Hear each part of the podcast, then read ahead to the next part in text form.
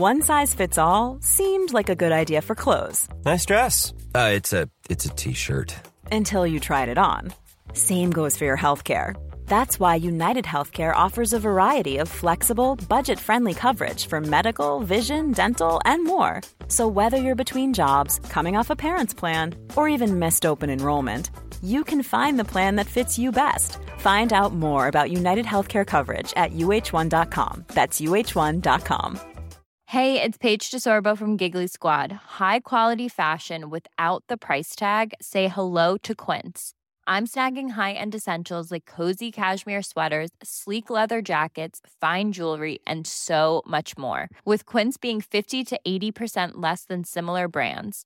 And they partner with factories that prioritize safe, ethical, and responsible manufacturing. I love that. Luxury quality within reach. Go to quince.com slash style to get free shipping and 365 day returns on your next order. Quince.com slash style.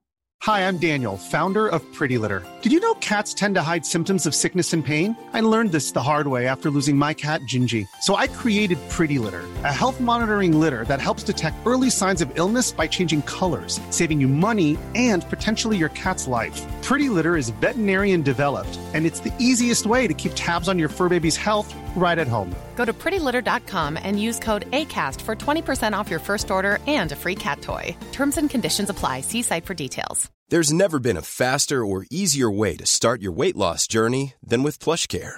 PlushCare accepts most insurance plans and gives you online access to board-certified physicians who can prescribe FDA-approved weight loss medications like Wigovi and Zepbound for those who qualify. Take charge of your health and speak with a board-certified physician about a weight loss plan that's right for you. Get started today at plushcare.com slash weight loss. That's plushcare.com slash weight loss. plushcare.com slash weight loss.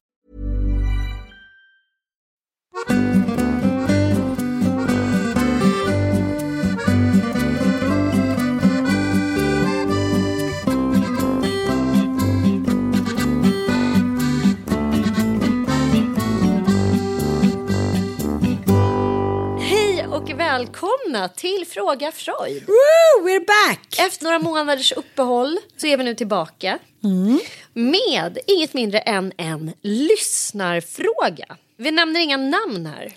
Att det det, här är, inte. det här är lite secret service på det hela. Men Du pratade om att du hade sett Anna Karenina. ja, som ju handlar om passion. Och du och jag konstaterar ju, precis som Att vi inte orkar med Att det. vi inte orkar det, att det liksom är en sjuk känsla som man bara drabbas av. Och man liksom nästan är i ett läge i livet och man känner att så här, "Äh, jag skulle nog inte palla det eh, något mer. Jag känner lite annorlunda den här veckan. Det. det. Jag med faktiskt. Men då skriver då en lyssnare så här.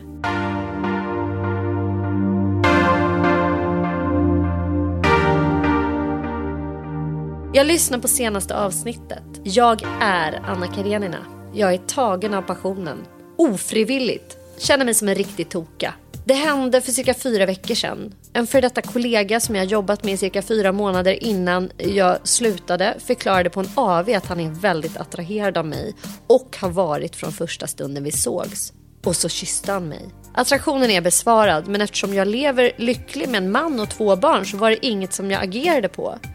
Efter hans kyss och vetskapen att han är lika attraherad av mig så klickade något till inom mig. Som Esther Perel uttryckte det, you feel alive.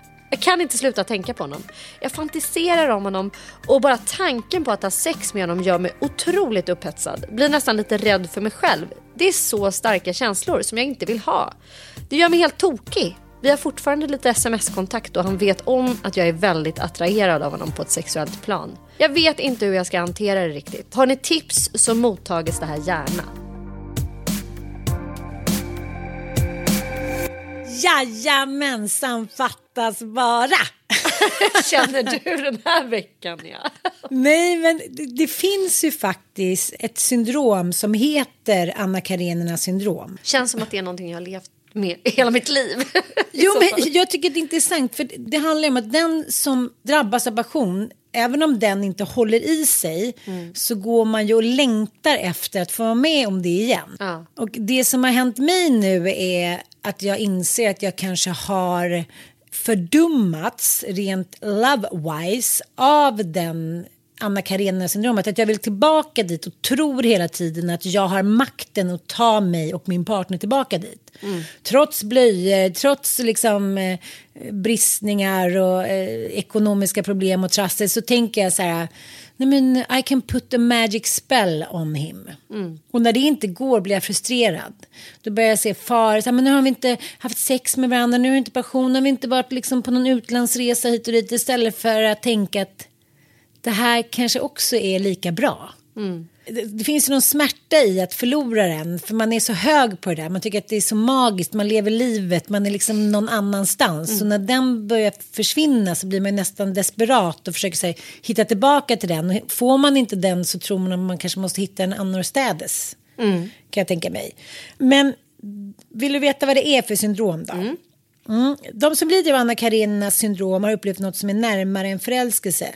De lider faktiskt av en störning som karaktäriseras av en brist på självkontroll och ett absolut beroende där de inte ser var gränserna går. De kan även förlora sig själva i sina älskare, ge upp det som definierar dem, överlämna sig till någon annans kontroll bara för att hålla dem nära. Mm. Tuppen ja. Tuppen ja. Men det som är då, kära, kära lyssnare, det är att man säger då, eller terapeuter, psykologer och forskare säger att det här är inte sann lycka. Mm. Eh, för den som lider av det här syndromet, de känner ju mest ångest på grund av att de inte alltid kan vara tillsammans med den då som har skapat den här passionen. Vilket gör att liksom eh, att de blir misstänksamma, Mm. Att de blir svartsjuka, att de vill vara vid den här personens sida hela tiden för att kontrollera den för att de är rädda för att bli bedragna då. Ja, och sen handlar det ju också om en väldigt egocentrisk kärlek i slutändan mm. eh, faktiskt om man eh, tittar lite närmre på den. För det är klart att när man blir så här väldigt attraherad och passionerat intresserad av någon så är det ju liksom i en bild av den här personen mm. och inte i dens riktiga jag. Så det brukar man ju säga om förälskelse också att den glider ju över i riktig kärlek efter cirka tre månader för att man faktiskt ser vem den här personen verkligen är. Mm. Och antingen så går den över och så, så går man vidare och sen så, ah, när man såg att Eller också är man på smällen. Inbillade mig. ja, ja. Jag. Alternativt så börjar man faktiskt tycka om den här personen på riktigt. För mm. att det är det liksom förtroliga samtal och närhet gör med oss. Att vi faktiskt börjar, eh, ja, men vi börjar knyta an till personen. Det är väl kanske förälskelsens eh, uppgift att få oss att våga närma oss någon. Att man liksom känner eh, alltså initialt en väldigt stark attraktion som sen kan byggas till kärlek. Och det finns ju massor med olika idéer och många olika också så kulturella aspekter av det här med förälskelse och hur kärlek genom tiderna har tolkats. Men den här passionerade förälskelsen tror jag vi har blivit väldigt mycket matade av från liksom populärkultur generellt. Om, om man tittar på hur kärlek och förälskelse har beskrivits genom tiderna så är det ju inte riktigt den här äh, unge Werthers lidande kärleken som har funnits där. Förutom just typ när han började skriva den där boken, Universets mm. lidanden. Mm. Att alla helt plötsligt bara blev så här förälskade, mm. head over heels och så här, ville ta livet av sig för att de gick in i Anna Karenins eh, kärlek. Men det som händer när man hamnar i det här syndromet är ju också att man sakta men säkert förlorar sig själv. Man får dålig självkänsla, dåligt självförtroende, man är misstänksam, man ser hela tiden faror. Mm. Det kan ju vara förödande, det vet vi ju. Men om jag tänker nu här på vår lyssnare, jag, jag är inte säker på att hon är inne i, i Anna Kareninas syndromet nej, här. Nej, det kanske inte. Utan jag tror snarare att du upplever någon form av attraktion och jag har en, om jag tittar på mig själv eh, som ju verkligen har varit så passionerat förälskad. Jag eh, har ju till och med gått så långt att jag tänker att det är en drogliknande upplevelse för mig. Mina första förälskelser har varit mycket starkare än mina första då uh, fyllor till exempel. Och att jag har varit besatt av att vara kär och förälskad. Och att det där har gått över i takt med, tycker jag, att jag har liksom, med självutveckling. Att jag inte har det där behovet av att försvinna in i en passion, att försvinna upp i någonting. Så att när jag nu känner en sån där attraktionskänsla, vilket ju ändå händer då och då. Mm. Då ser jag det som någon typ av så här, mm, vad är det vad är det jag vill lite grann fly ifrån? Vad är det som går på tomgång nu? Ja. Vad är det som skaver?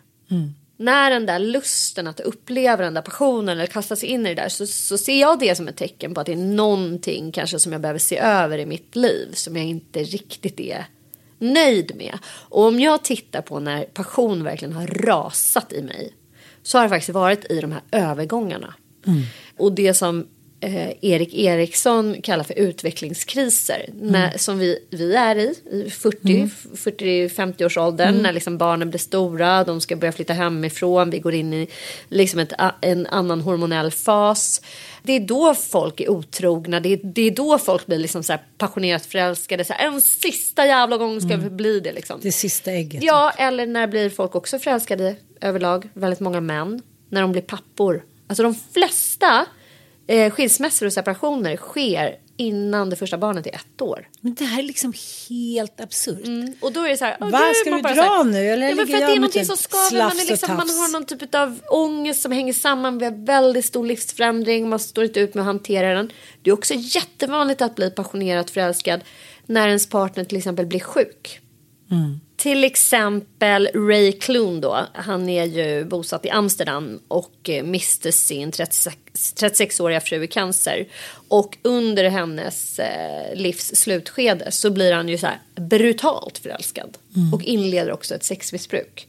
Så liksom jag kan se att eh, den här starka attraktionen och förälskelsekraften ofta liksom poppar upp när vi, eh, vi behöver Det liksom fyller ett tomrum, fyller tycker jag. tomrum, Eller någonting som från känns Liksom, någon någonting. typ av existentiell ångest som blir övermäktig och man vill bara liksom...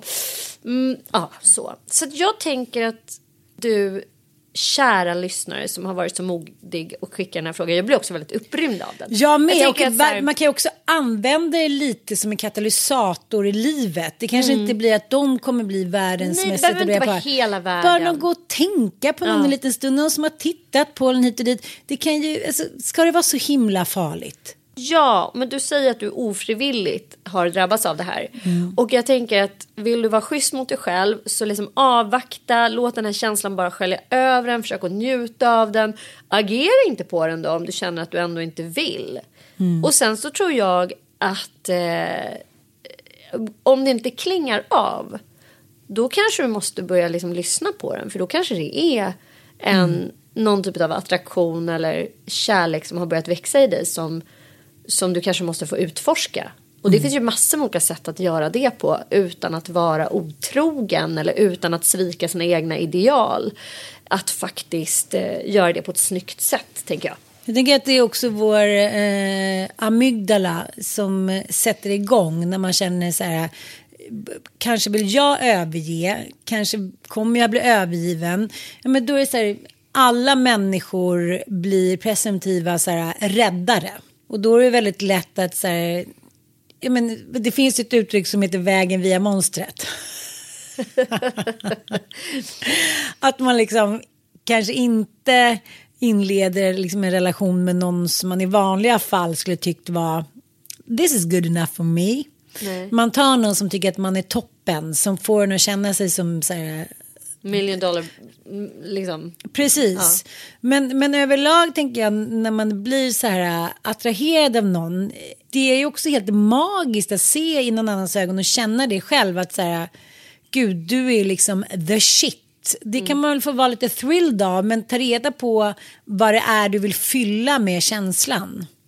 Det är inte helt lätt heller ju. Nej, det är liksom en, det är en, det är en tid av reflektion och undersökande. Och våga vara i det istället för att känna att fuck, eh, jag håller på att fuckar upp. Utan det är liksom någon typ av budskap som eh, kommer till en när man får sådär starka känslor tänker jag. Och Ja. eh, ser det som de, ynnest. ja, och de, Kom, de kommer ju inte... De kommer ju av en anledning kan jag tänka mig. Ja, lycka Ja. till! Och hörni, ni som lyssnar på Fråga Freud, ni får ju hemskt gärna eh, skicka frågor till oss. Gå in på vårt Instagramkonto. Eh, inte din morsa, det här är alltså en spin-off på våran, eh, så att säga, huvudpodd. The mother of pods. Nästa Ehm, vecka så har vi Nisse Edvall. Han ja. undrar hur man ska klara en skilsmässa. Ja. Jag vet inte. Nej, det ska vi ta reda på till nästa vecka. Tack för att ni lyssnar. Hej då Freud!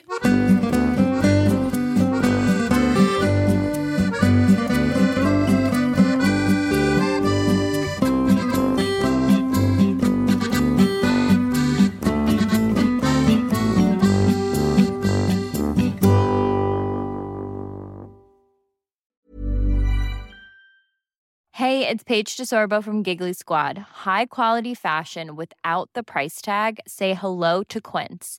I'm snagging high-end essentials like cozy cashmere sweaters, sleek leather jackets, fine jewelry, and so much more. With Quince being 50 to 80% less than similar brands.